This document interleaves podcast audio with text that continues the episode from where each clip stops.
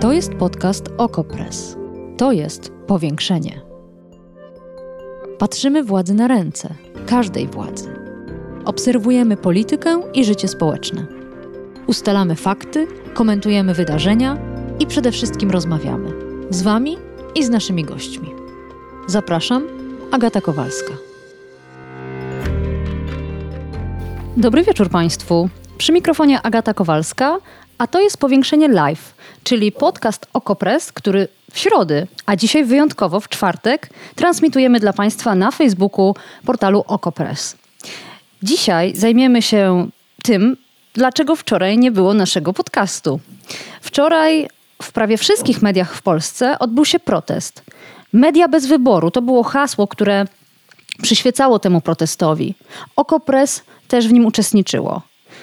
Dlaczego? Mogą Państwo przeczytać oczywiście na naszym portalu. W jaki sposób nas dotknie planowana zmiana prawa? O tym też mogą Państwo przeczytać na portalu.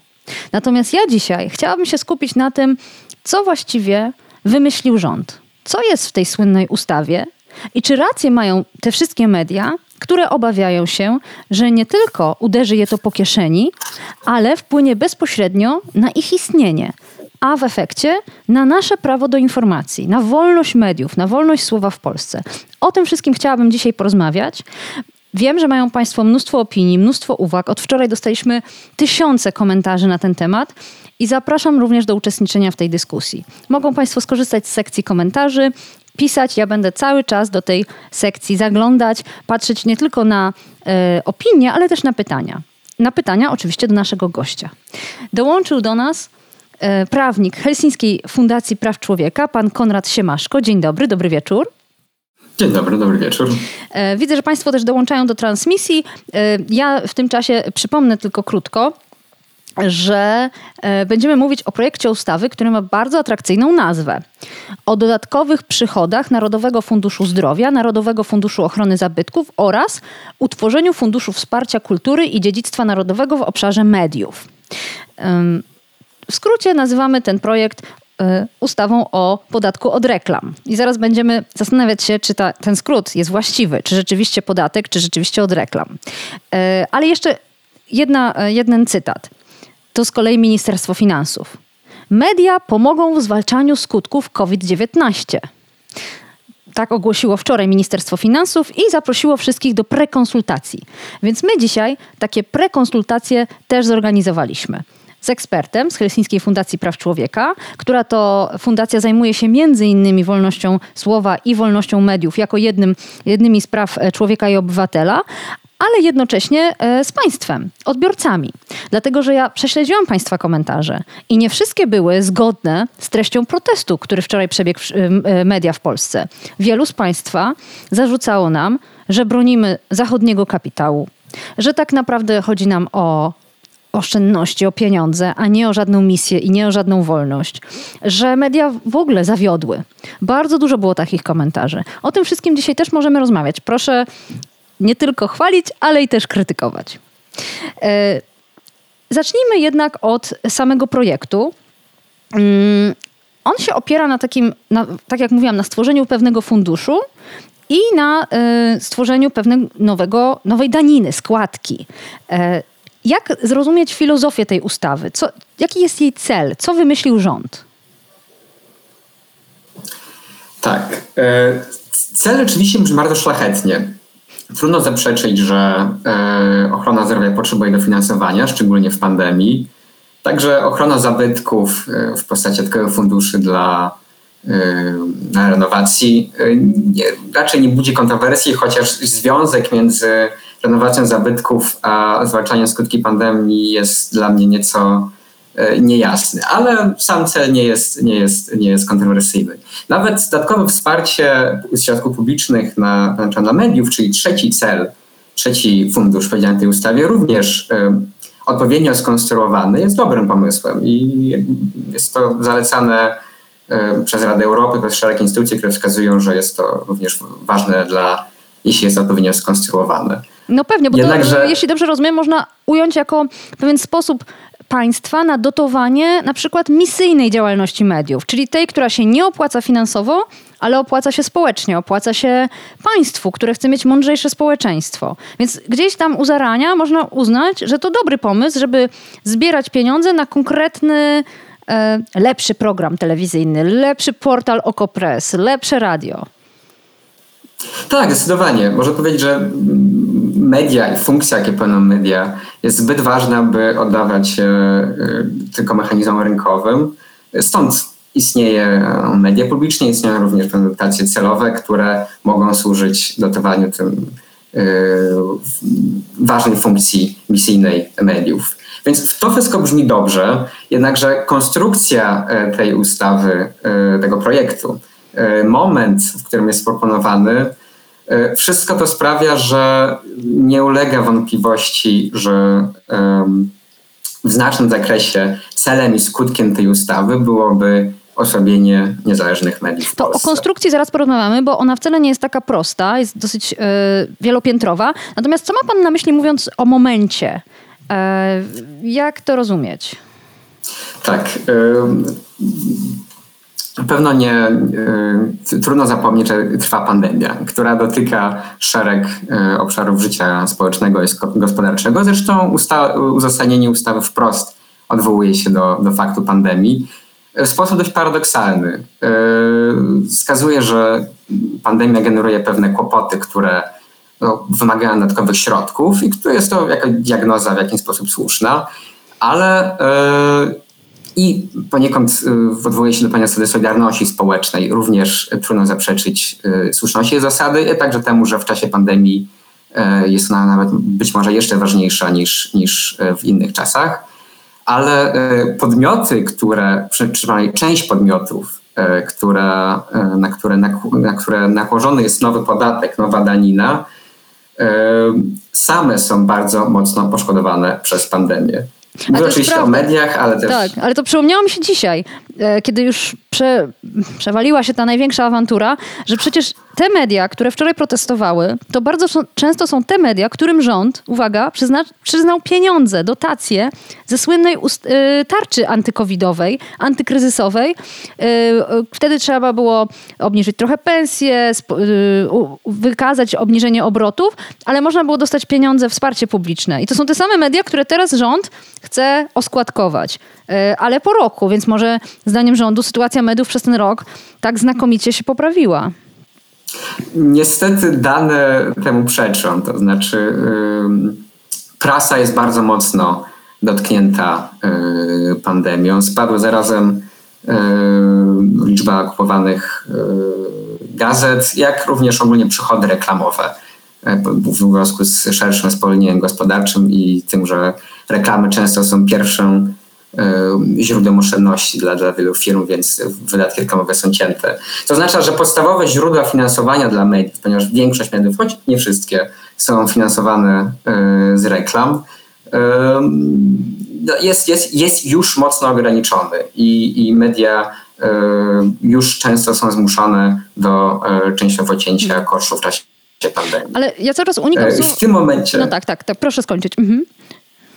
Tak, i w tym momencie przychodzi rząd yy, i yy, stwierdza, że dołoży dodatkowe koszty w postaci yy, podatku przy, od przychodów na media, które już są w ciężkiej sytuacji. Hmm.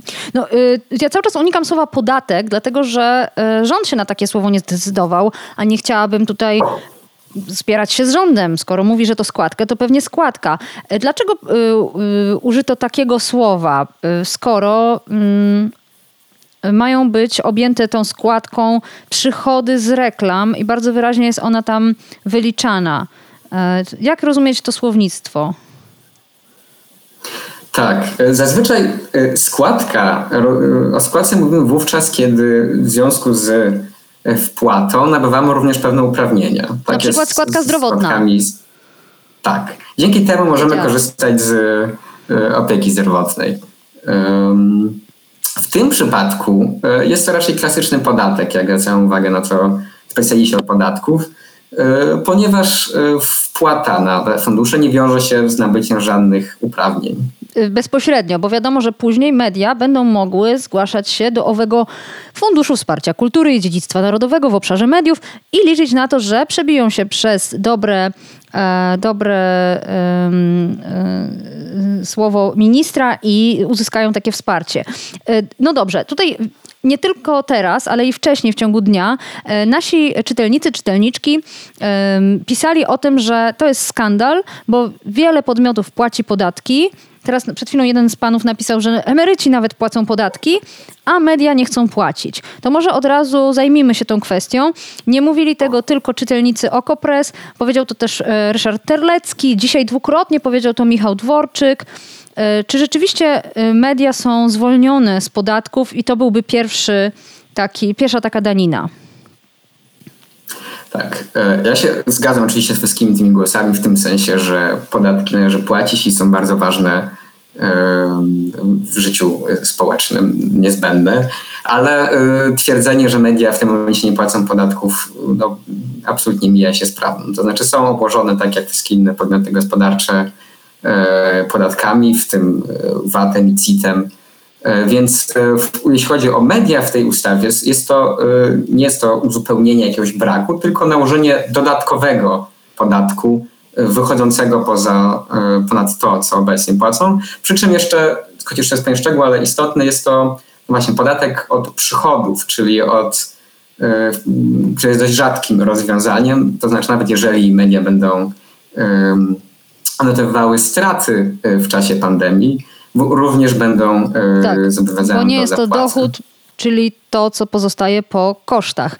Często koszta e, przewyższały mm, przewyższały to, co, co dało się zarobić w ostatnim czasie. No dobrze, no to teraz zajmijmy się tym, kto właściwie miałby płacić, bo Przedstawiciele rządu tłumaczą od wczoraj, że to jest w ogóle podatek nałożony na gigantów medialnych i też wydaje się, że ta um, koncepcja, czy ten pogląd trafił też do naszych słuchaczy na przykład pani e, Jolanta komentowała wczorajszą demonstrację w obronie mediów, pisała, co ci ludzie wygadują, kto im zabiera media, kto im zabiera wolność słowa. Chodzi tylko o podatek od reklam dla wielkich koncernów medialnych, które dobrze w Polsce zarabiają, a cały dochód idzie za granicę. Ktoś inny pisał wręcz o wywożeniu walizkami pieniędzy z Polski. E, więc jak to jest e, naprawdę? Kto miałby płacić e, te, te składki? Czy rzeczywiście tylko te media, które wywożą pieniądze za granicę? E, tak, absolutnie jest to nieprawda, że e, jest to ustawa, projekt ustawy nakierowany wyłącznie na gigantów cyfrowych, chociaż również ich dotyczy. Projekt przewiduje dwa podstawowe podatki czy składki, trzymając się nazewnictwa projektu. Bezzwrotna Podatek składka. reklamy. Taka bezzwrotna, bezzwrotna składka. Która, tak, to, to może używamy daniny, by nie podważać tak. już bezpośrednio Nie podważajmy, to prawda, nie podważajmy. Więc dwie podstawowe grupy. E, jedna to jest reklama, podatek od danina od reklamy internetowej i rzeczywiście Tutaj chodzi o, e, o, o, gigantów cyfrowych z uwagi na sposób konstrukcji tej, tej daniny. To znaczy próg jest tak duży, że właściwie spełniają tylko wyłącznie takie podmioty jak e, Google czy Facebook. I, I to rzeczywiście jest, e, jest elementem tej ustawy, mhm. który raczej nie budzi kontrowersji. Nie słyszałem żadnych głosów no, krytycznych wobec tego. Na pewno Facebook nie dołączył to... wczoraj do protestu, ale co z mediami? Czy rzeczywiście wielkie tak, koncerny to... medialne y, będą jedynymi objętymi tym, tym nowym podatkiem? Absolutnie nie. Cała druga część ustawy, czy znaczna jej część, e, dotyczy y, podatku od reklamy konwencjonalnej, czyli takich podmiotów, od przychodów z publikowania reklam w w telewizji, w radiach, e, w prasie, a także wyświetlanie jej w kinach i w, e, na billboardach, na nośnikach zewnętrznych. Czyli są to podmioty, które nie mają nic wspólnego z gigantami cyfrowymi. Chodzi o nieco większych e, nadawców, wydawców prasowych. Ale y, to, to od razu, y, bo chciałam to dobrze zrozumieć, jak, jaka myśl stała za tą konstrukcją, znaczy dlaczego akurat ta grupa? Bo w rynku reklam uczestniczy mnóstwo podmiotów. E, są właściciele billboardów, nośników są same media, też można powiedzieć czasem wręcz służące jak nośnik reklamowy e, zamiast e, nośnika informacji. Są firmy, które produkują reklamy, są aktorzy, którzy w nich grają, są wreszcie domy mediowe, które handlują reklamami, sprzedają je w pakietach. Więc dlaczego niektóre podmioty się tu znalazły, a inne nie? Jaki jest wyznacznik? Jest to pewna y, zagadka, chociaż y, są pewne. Tropy? Są pewne poszlaki. Tak. To znaczy, y, jest specyficzna się grupa podmiotów. Mhm. Wrzucone są prasa, kina, nośniki reklamowe, radio, telewizja. Jest jeden podmiot w Polsce, który spełnia szereg tych funkcji. Jest to Agora, stąd bodajże redaktor Baczyński z brak naczelny polityki nazwał tą ustawę Lex Agora, bo rzeczywiście Agora będzie wydawca Gazety Wyborczej, Radia Tok FM, no i to jest e, ciekawa nazwa, dlatego że to jest też taki rodzaj reklamy dla Agory i na dodatek od tej reklamy nie będą płacić podatku. Przepraszam, taki trochę głupi dowcip, ale zawsze, zawsze warto e, zwrócić na to uwagę. Ale dlaczego, e, dlaczego akurat Lex Agora? Bo jaka jest specyfika tej, tej konkretnej firmy? Bo ponieważ y, jest właścicielem kilku podmiotów, które są wymieniane jako nowi płatnicy, którzy będą obciążeni nowym mhm. podatkiem. Nośniki reklamowe, kina, radio i, i i, i prasa oczywiście. Ktoś dzisiaj napisał, że gdyby Agora prowadziła kwiaciarnię, to akurat właśnie e, sprzedaż kwiatów byłaby obłożona podatkiem. Ja nie wiem, ja, ja tutaj nie, nic nie sugeruję, no ale może rzeczywiście tak by było. Szkoda, bo kwiaty to e, piękna rzecz. E, no dobrze, ale też rząd się broni tym, że twierdzi, że tutaj e, to uderzy tylko w tych najbogatszych, którzy rzeczywiście e, bardzo dobrze zarabiają na reklamach, a e, małe, niezależne redakcje są zupełnie chronione. Czy rzeczywiście tak jest? Nie do końca. Rzeczywiście jest pewna kwota wolna e, od podatku. E, w przypadku prasy jest ona względnie spora, bo wynosi zdaje się 15 milionów mm przychodów reklamowych. I nie znam bardzo dobrze te, tego rodzaju technikaliów rynku prasy w Polsce, ale o ile dobrze rozumiem, wiele małych oczywiście e, tytułów lokalnych nie osiąga tego rodzaju przychodów. E, chociaż, e, chociaż mogę sobie wyobrazić również, że, że być może średnie tytuły również mogą się kwalifikować. No, Więc no. Nie, jest to, nie jest to kierowane tylko do tych największych, wręcz przeciwnie, można powiedzieć, że ci najwięksi gracze jakoś sobie poradzą. To znaczy, oczywiście będą dotknięci i e, będzie miało to konkretne skutki, jak można powiedzieć, ale e, będzie to jeszcze poważniejsze dla tych nieco mniejszych graczy, ale którzy już będą, mniejsze gracze, ale którzy już będą się łapać, już będą kwalifikowani do, do zapłaty tego podatku, dla których może być to wręcz cios śmiertelny. E, tutaj słuchaczka pisze, że w życiu nie słyszała, żeby ktoś płacił podatek od przychodu, a nie od dochodu. I przecież i tak samo było w w tarczy antykryzysowej, gdzie liczył się przychód, a nie dochód e, i że to jest bardzo dziwne. A pani Katarzyna mówi, że byłoby świetnie, gdyby unijna legislacja potrafiła poradzić sobie z wielkimi social mediami, czyli pewnie chodzi o te duże koncerny cyfrowe, które zarabiają na nienawiści, dezinformacji i handlu naszymi danymi. E, zresztą rząd też się odgrażał, że, że coś z tym zrobi, ale ostatecznie te projekty wszystkie chwilowo y, się nie, y, nie pojawiły, prawda? Nie mamy też na poziomie unijnym żadnych rozwiązań. To prawda, nie jest to pierwsze podejście rządu. Rząd już wcześniej, e, jeśli chodzi o opodatkowanie gigantów cyfrowych, oczywiście, e, wcześniej już trwała na tym prace, ale zostały zawieszone w 2019 roku po wizycie wiceprezydenta Stanów Zjednoczonych Mike'a Pence'a Obecnie również w Sejmie jest projekt złożony przez, e, przez, e, przez Lewicę, który również przewiduje opodatkowanie e, gigantów cyfrowych, ale o ile wiem, nie są nawet nadany numer, nie zostały w ogóle wszczęte prace legislacyjne, co oba te, fak, oba te fakty pozwalają przypuszczać, że być może to nie jest jednak główny cel tej ustawy. A tutaj znów... Który, gdyby to... Mhm tak, przepraszam. Chciałem tylko dodać, że rzeczywiście jest to, jest to poważny problem i to mam że jest to kolejny przypadek, kiedy pojawia się ten projekt ustawy, który odnosi się do jakiegoś poważnego problemu yy, współczesnego, który jest dyskutowany. Myślę, że niedawno został też przedstawiony projekt yy, tak ustawy o wolności słowa w internecie, który również dotyka w jakiś sposób ważnego problemu z zakresu wolności słowa, zakresu gigantów cyfrowych, ale Także tutaj i w tamtym przypadku pod, pod płaszczem dotykania pewnego ważnego problemu wprowadzane są bardzo, bardzo e, niepokojące rozwiązania. Przyjrzyjmy się jeszcze temu, mm, dlaczego, bo tutaj widzę, że e, jeden z naszych słuchaczy, pan Adrian, pisze wprost o kagańcu na media.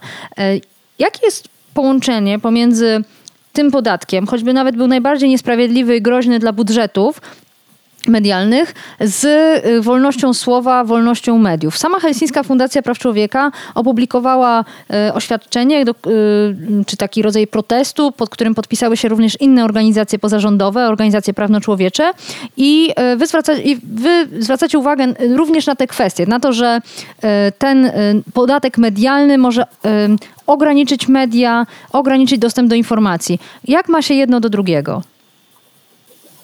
Tak, to jest, to jest bardzo ważne pytanie. E, w pewnych przypadkach ten związek może być bardzo bezpośredni e, w przypadku pewnych podmiotów. To znaczy, pewne podmioty mogą być wypchnięte z rynku z uwagi na to, że e, już obecnie teraz są w ciężkiej sytuacji i nałożenie tak skonstruowanego podatku od przychodów może sprawić, że właściwie nie będą w stanie dalej funkcjonować. Możemy być może przypuszczać, że wtedy będzie na białym koniu jakaś spółka Skarbu Państwa, która zaoferuje pomoc w takiej pomoc, sytuacji. Pomocną dłoń, tak. Tak. Co e, jest pewna część podmiotów może, medialnych może mieć tego rodzaju problemy. Ale są też takie, które będą mogły dalej funkcjonować, e, przetrwają w jakiś sposób to opodatkowanie, ale będą musiały poważnie ciąć koszty. I tu, na tym polega cały klucz. To znaczy, jakościowe dziennikarstwo kosztuje, pełnienie funkcji przez media kosztuje, sprawdzanie faktów, prowadzenie dziennikarstw śledczych wielomiesięcznych, dręczenie tematów, coś co, drążenie tematów, coś co, czego politycy nie za bardzo lubią, kiedy rzeczywiście media poświęcają na coś czas, wiele miesięcy, by wyśledzić pewne tematy, które, no, które w, w, co nieco trudniejsze niż, e, niż, niż, niż, niż proste przekazanie wydarzenia. To wszystko kosztuje i jest niedochodowe. Nie wiem, czy pewnie zaskoczę część z Państwa, ale okropnie się nie opłaca e, utrzymywanie redakcji tego typu, e, redakcji śledczej również. Strasznie to jest kosztowne. Pewnie część z Państwa o tym nie wie. No dobrze, no ale no dobrze, jest kosztowne, ale zawsze było i zawsze były pro, problemy finansowe na rynku. Rząd wymyślił teraz, że szuka gdzie może pieniędzy, e, choćby na, ten, na tą walkę z koronawirusem, jak twierdzi. Więc myślę, że potrzebujemy poważniejszego argumentu niż tego tylko, że to uderzy po kieszeni media. Wielu powoływało się na przykład węgierski, że tam rząd w różny sposób próbował naciskać na redakcję, aż w końcu znalazł ten bat finansowy. Jak to jeszcze mocniej rozumieć, bo czy to oznacza, że po prostu zbankrutują te wszystkie stacje telewizyjne, stacje radiowe, y, redakcje prasowe i koniec? Czy to jest dużo bardziej złożony mechanizm nacisku czy wygaszania mediów niezależnych? Tak, Węgry są doskonałym przykładem y, po raz kolejny, kiedy widzimy, że y, jest to jeden z. Wzajem, wzajemnie się inspirujemy względem wielu rozwiązań.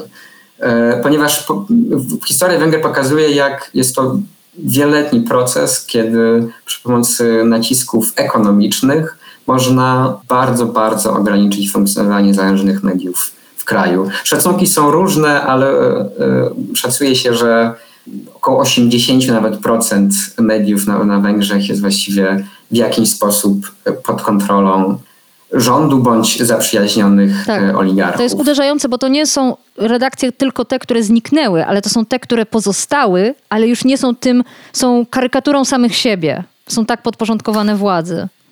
Tak, i to oczywiście nie stało się e, z dnia na dzień. Tak zwana taktyka salami. Oczywiście pierwsze kroki były podejmowane w obszarze mediów e, w 2014 roku, kiedy również wprowadzono podobny podatek było cały szereg procesów, ale to pokazuje oczywiście, jak to może działać. To znaczy, osłabione media będą w większym stopniu zależne również od środków finansowych z publicznych, takich jak reklamy spółek Skarbu Państwa. I tutaj też nie musimy iść szukać albo, przepraszam, albo wiedzieć. Fundusz Wsparcia Kultury i Dziedzictwa Narodowego w obszarze mediów też będzie przecież upolityczniony. Tak, więc tu rzeczywiście nie musimy szukać nawet da, da, da, daleko, bo już teraz widzimy, jak wygląda dystrybucja środków ze, ze spółek Skarbu Państwa, znaczy reklam ze spółek Skarbu Państwa. I jest to e, zdanie, które nawet potwierdził NIK w pewnym raporcie kontrolnym bodajże 2018 roku, wskazując, że dystrybucja tych reklam jest zupełnie nijak się ma do pewnej logiki rynkowej, to znaczy są lokowane w, w tego rodzaju tytułach prasowych, które są dość niszowe i raczej nie, nie pozwolą na tarcie do wielu czytelników, mm. a większe tytuły są zupełnie pomijane. Nikt już nie powiedział kropki na D, ale, ale kluczem jest oczywiście to pewna przychylność wobec rządu. Zbieranie życzliwych sobie. Funkcji. E, bardzo ciekawy komentarz pana Damiana. E, mm, jeszcze a propos na chwilę odejdźmy od e, zależności czy niezależności mediów do, z powrotem do naszego podatku nazywanego składką. Pan Damian napisał tak. Te media, które część czytających tutaj atakuje, bo rzeczywiście było sporo y, negatywnych komentarzy, takich krytycznych. Y, więc te media już teraz płacą VAT, CIT, opłaty emisyjne, koncesje. Gdyby ta ustawa z tym nowym podatkiem przeszła, to w efekcie, żeby to łatwo zobrazować, y, firmy medialne płaciłyby dodatkowo zupełnie absurdalne podatki. Byłoby to jak odpowiednik dodatkowego podatku, który płaciłby fryzjer od kilograma ściętych włosów. No i to jest ciekawe. Z jednej strony pan Damian dosyć obrazowo nam pokazuje, jak to fryzjer musi dwa razy zapłacić. Z drugiej strony e, projektodawca e, wyraźnie wskazuje, że reklama nie jest tym samym, co ścięte włosy i reklama nie jest tym samym, co dowolny inny produkt czy towar. E, otóż te reklamy uznaje za przynajmniej częściowo, może nie, no, dosyć szkodliwe, czy jakoś y, groźne społecznie i stwierdza nawet, że niektóre z nich, niektóre reklamujące pewne towary będą opodatkowane wyżej. E, jak e, pan by się do tego odniósł? Czy to, ten, ten ruch jest uprawniony i uzasadniony? Tak, to rzeczywiście zgodzę się z tym, że może inaczej, pozwolę się zgodzić z, z komentarzem pana Damiana w tym sensie, że nie wiem, czy opodatkowanie reklam jako taki w każdej sytuacji e, musi być zupełnie e, mhm. błędnym pomysłem. Reklama wiąże się z szereg, można jej dużo zarzucić rynkowi reklam, zwłaszcza pewnych produktów. E, I tutaj projektodawca oczywiście e, wprowadza pewną listę produktów kwalifikowanych, takich jak napoje słodzone, e, suplementy diety i wyroby medyczne, których reklamowanie będzie e, wiązało się z większym podatkiem. Dużo dzisiaj krytykowałem ten projekt.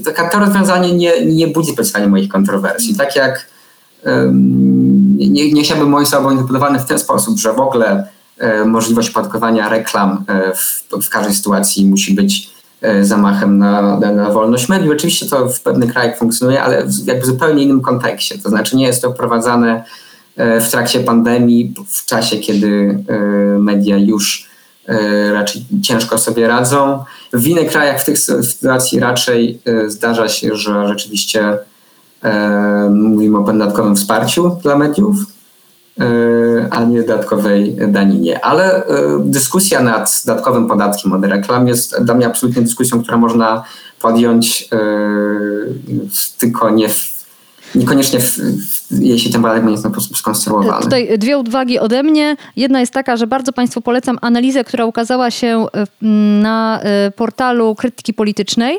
Jest to analiza między innymi tego, jak można wpływać na rynek reklam właśnie uznając, że jednak są szkodliwe. Jest tam też bardzo ciekawy y, fragment na temat szkodliwości reklam, to znaczy tego, że one są jednocześnie y, bardzo silną, prężną branżą, a z drugiej strony jakie są koszta społeczne tego, że mamy reklamy w swoim y, otoczeniu i że jest ich bardzo dużo. A druga uwaga, więc zachęcam, krytyka polityczna, Piotr Wójcik, bardzo ciekawa analiza. A druga uwaga jest taka, że pani Katarzyna nas prosi, żebyśmy jednak o tych fryzjerach nie wspominali, bo jeszcze i taki podatek nam wprowadzą.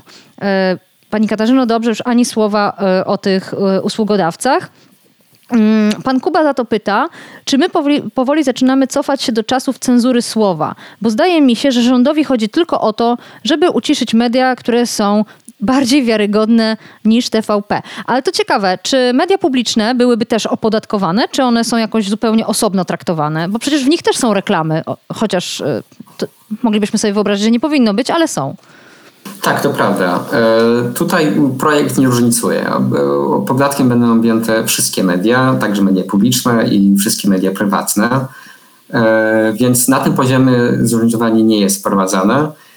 Jednak jest, jest trzy, są przynajmniej trzy źródła, z których media publiczne i być może e, media bardziej przychylne, media, które mniej e, wypełniają swoją funkcję kontrolną e, w tym momencie, mogą poniekąd powetować te straty. Mhm. To znaczy media publiczne oczywiście dostają środki z abonamentu obok środków z reklam i sławetne rekompensaty, które sięgają w ostatnich latach 2 miliardów.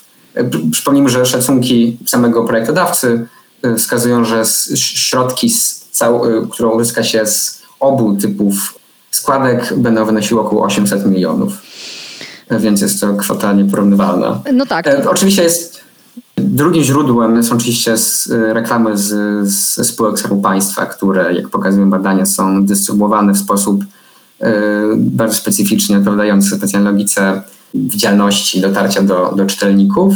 I trzeci to jest nowy twór, czyli Fundusz Wsparcia Kultury Dziedzictwa Narodowego w obszarze mediów. Dobrze, dobrze, pilnowałam Pana, bo uwielbiam tę nazwę, będę jej używać jeszcze kilkakrotnie. No właśnie, to zajrzyjmy do tego Funduszu Wsparcia Kultury i Dziedzictwa Narodowego w obszarze mediów.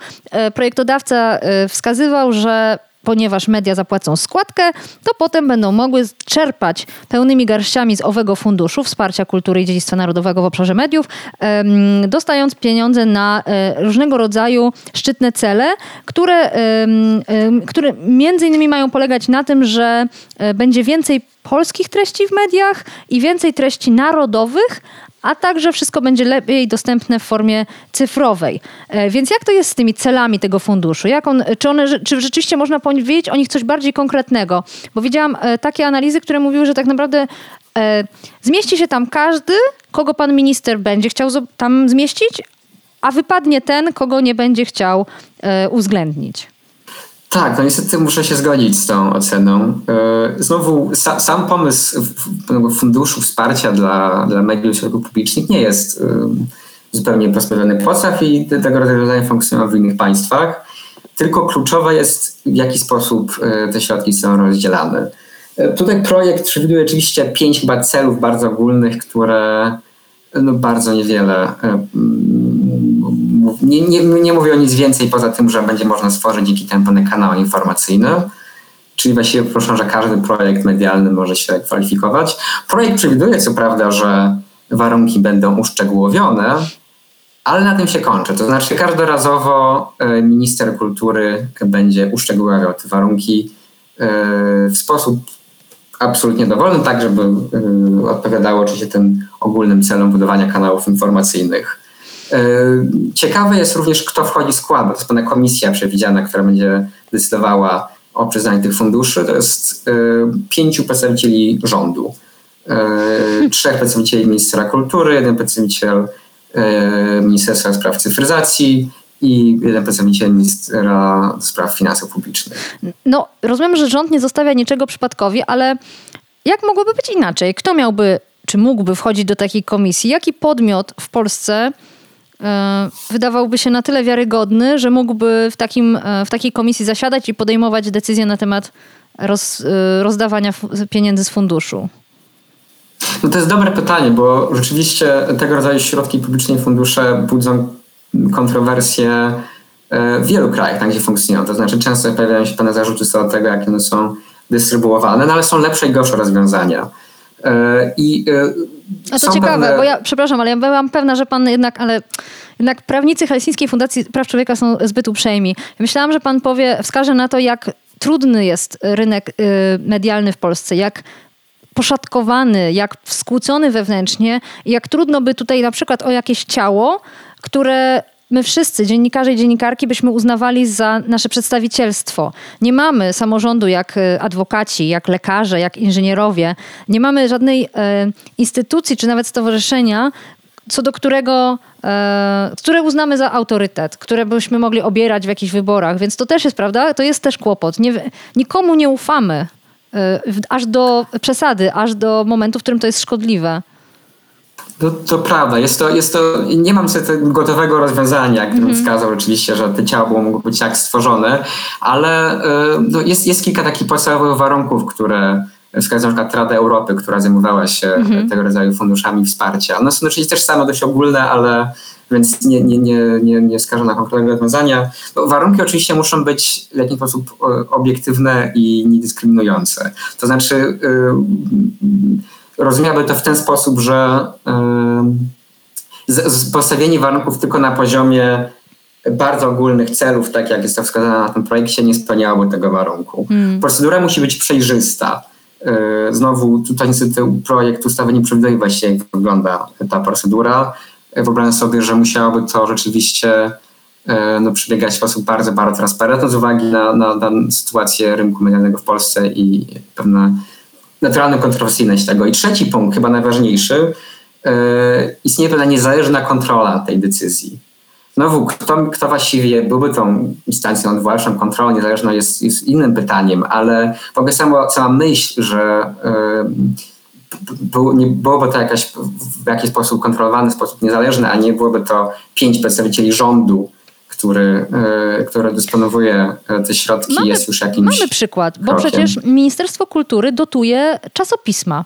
E, mogą one występować o takie granty czy właśnie dotacje mm, co roku i tam też oczywiście jest zawsze awantura i zawsze się wskazuje na to, które tytuły dostały, a które nie dostały, ale tam, jeśli dobrze pamiętam, są jednak komisje powoływane wprawdzie przez ministra, ale zewnętrzne. No nie jest tak, że zasiada tam po prostu któryś z urzędników ministerialnych, bezpośrednio związany z daną ekipą rządzącą. Więc mamy doświadczenie, może nie perfekcyjne, może rzeczywiście obarczone wadami, ale jednak nie aż tak bezczelne, ja to mogę powiedzieć, e, jak to w tej ustawie. Jeszcze, bo Yy, chciałabym jeszcze o jedną rzecz zapytać, bo my cały czas się skupiamy na tym projekcie, który teraz jest prekonsultowany Chociaż e, być może w ogóle ministerstwo się z niego wycofa, bo jednak wywołało ogromny opór, ale to nie jest pierwszy raz, kiedy Prawo i Sprawiedliwość postanawia cóż, wpłynąć na e, wolność słowa w Polsce. I e, pan śledził te przypadki. Helsińska Fundacja również reagowała za każdym razem. Często też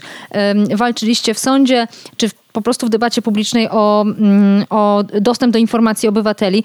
Czy moglibyśmy kilka takich przykładów e, podać? Co, co jeszcze, jak jeszcze rząd próbował uderzyć i czy, któryś z tych, czy któraś z tych prób była udana? Bo mm, ja pamiętam tę z zakazem wejścia dziennikarzy i dziennikarek do Sejmu. Państwo pamiętają? Jak to się skończyło, jaka była awantura? Więc jak to było? Czy, jakie były inne chwyty? O tak może zapytam.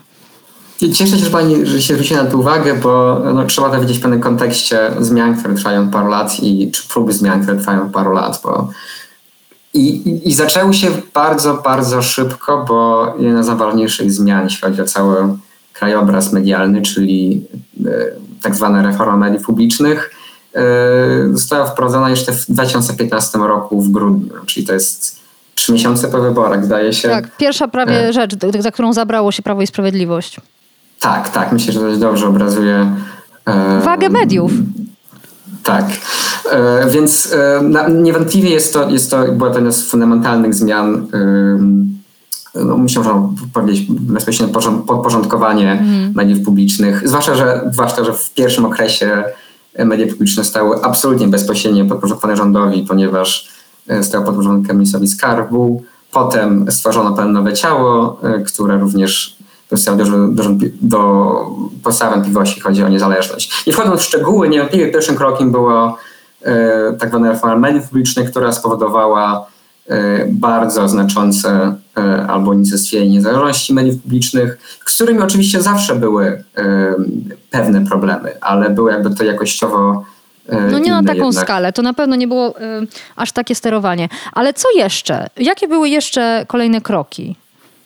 Tak, no, to był powiedzmy y, najstarszy krok, bo aż z 2015 roku to już mijało ładnych parę lat.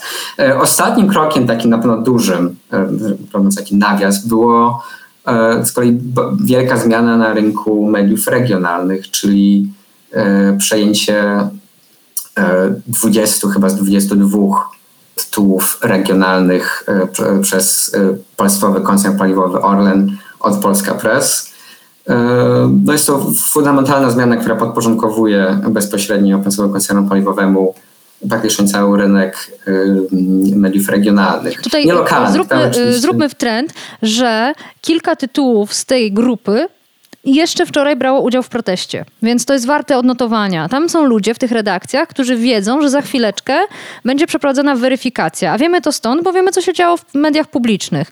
A mimo to zdecydowali się na protest, więc chciałam, żeby to było odnotowane i żeby Państwo zwrócili uwagę na to, jakie tytuły regionalne wczoraj e, miały zaciemnione strony, zaciemnione portale, zaciemnione jedynki.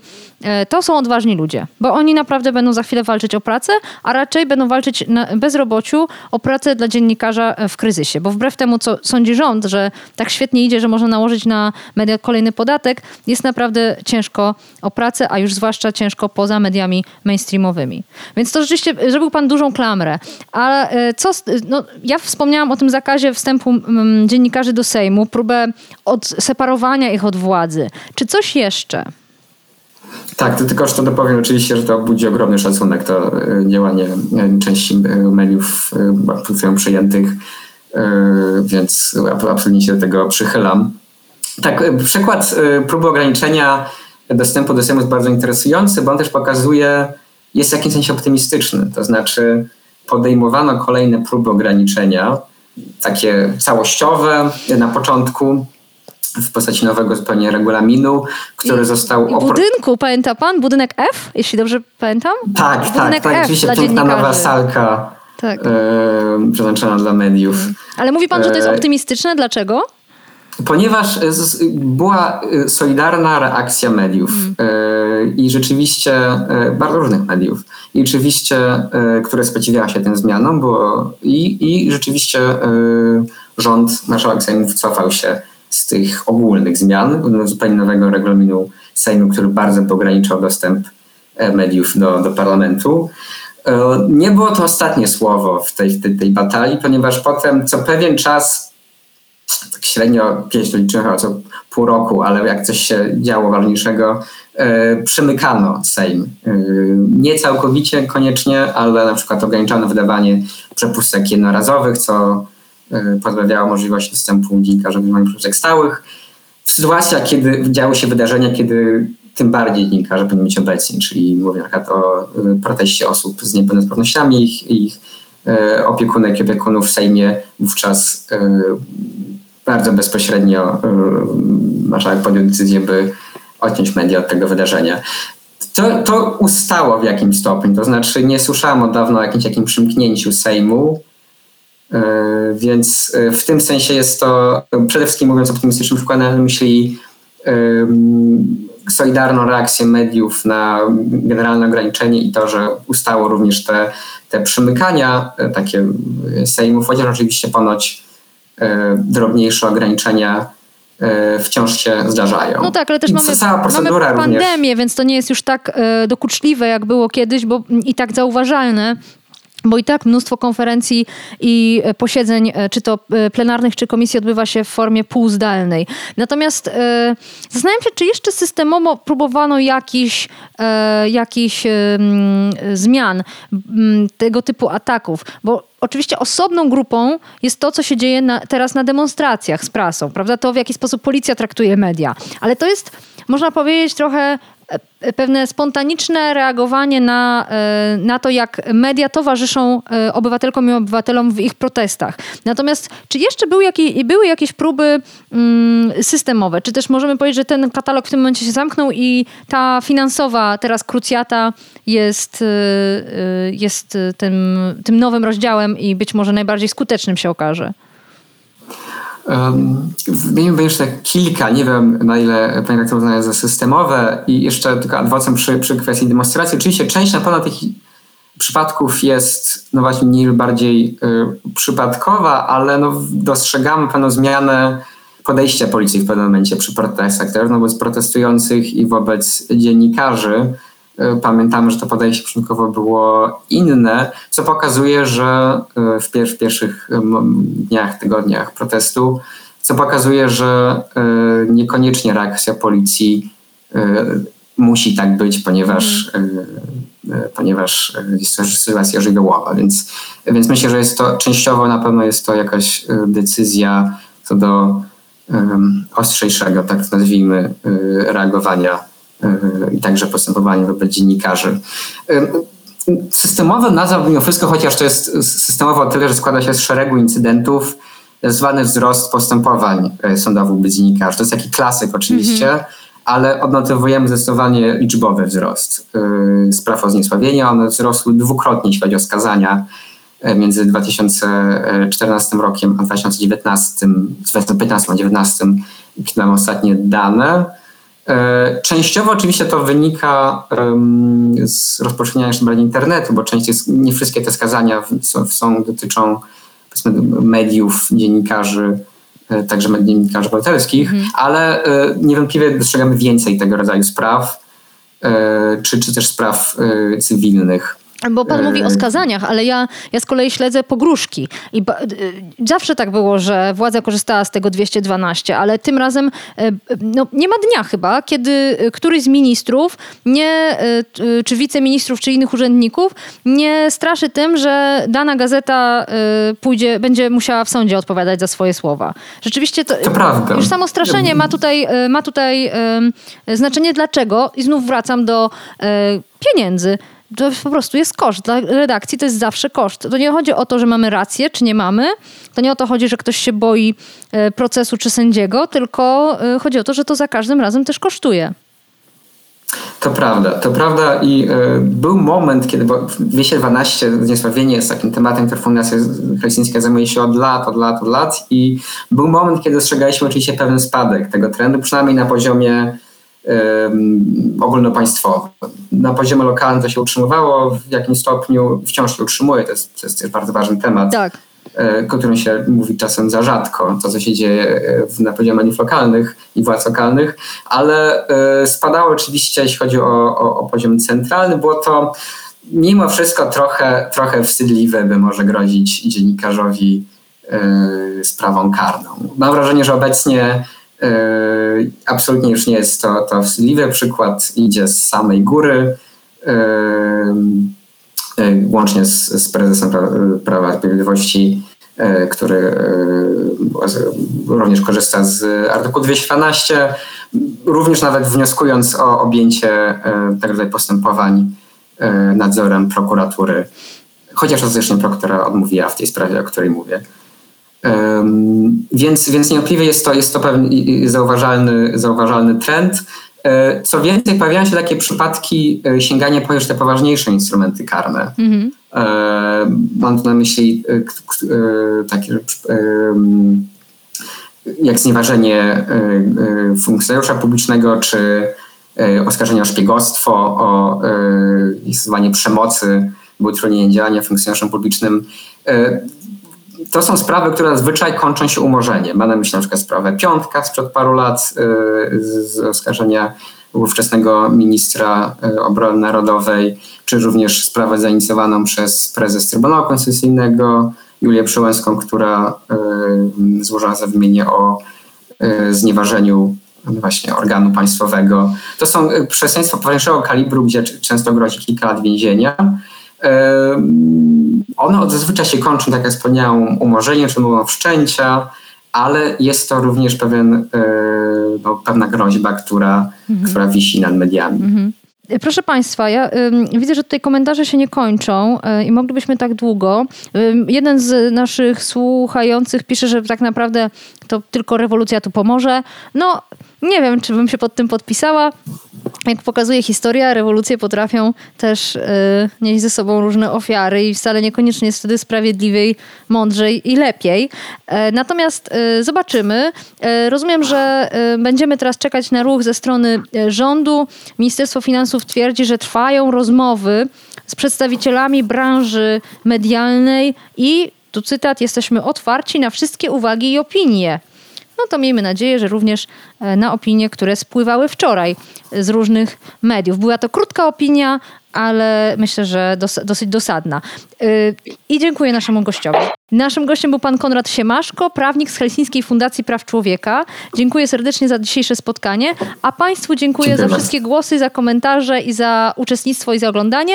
Spotkamy się za tydzień w środę o, 9, o 18, dlatego że w przyszłą środę, o ile mi dobrze wiadomo, nie ma protestu mediów. A tymczasem mówię Państwu do usłyszenia. Dobranoc, Agata Kowalska. Powiększenie. Podcast Okopres. Prowadzenie Agata Kowalska. Podcast znajdziesz na stronie Okopres i w Twojej ulubionej aplikacji do podcastów. Redakcja Okopres działa od 2016 roku. Jesteśmy obywatelskim narzędziem kontroli władzy, obecnej i każdej następnej. Okopres utrzymuje się z Waszych darowizn. Wesprzyj nas, byśmy mogli działać dalej.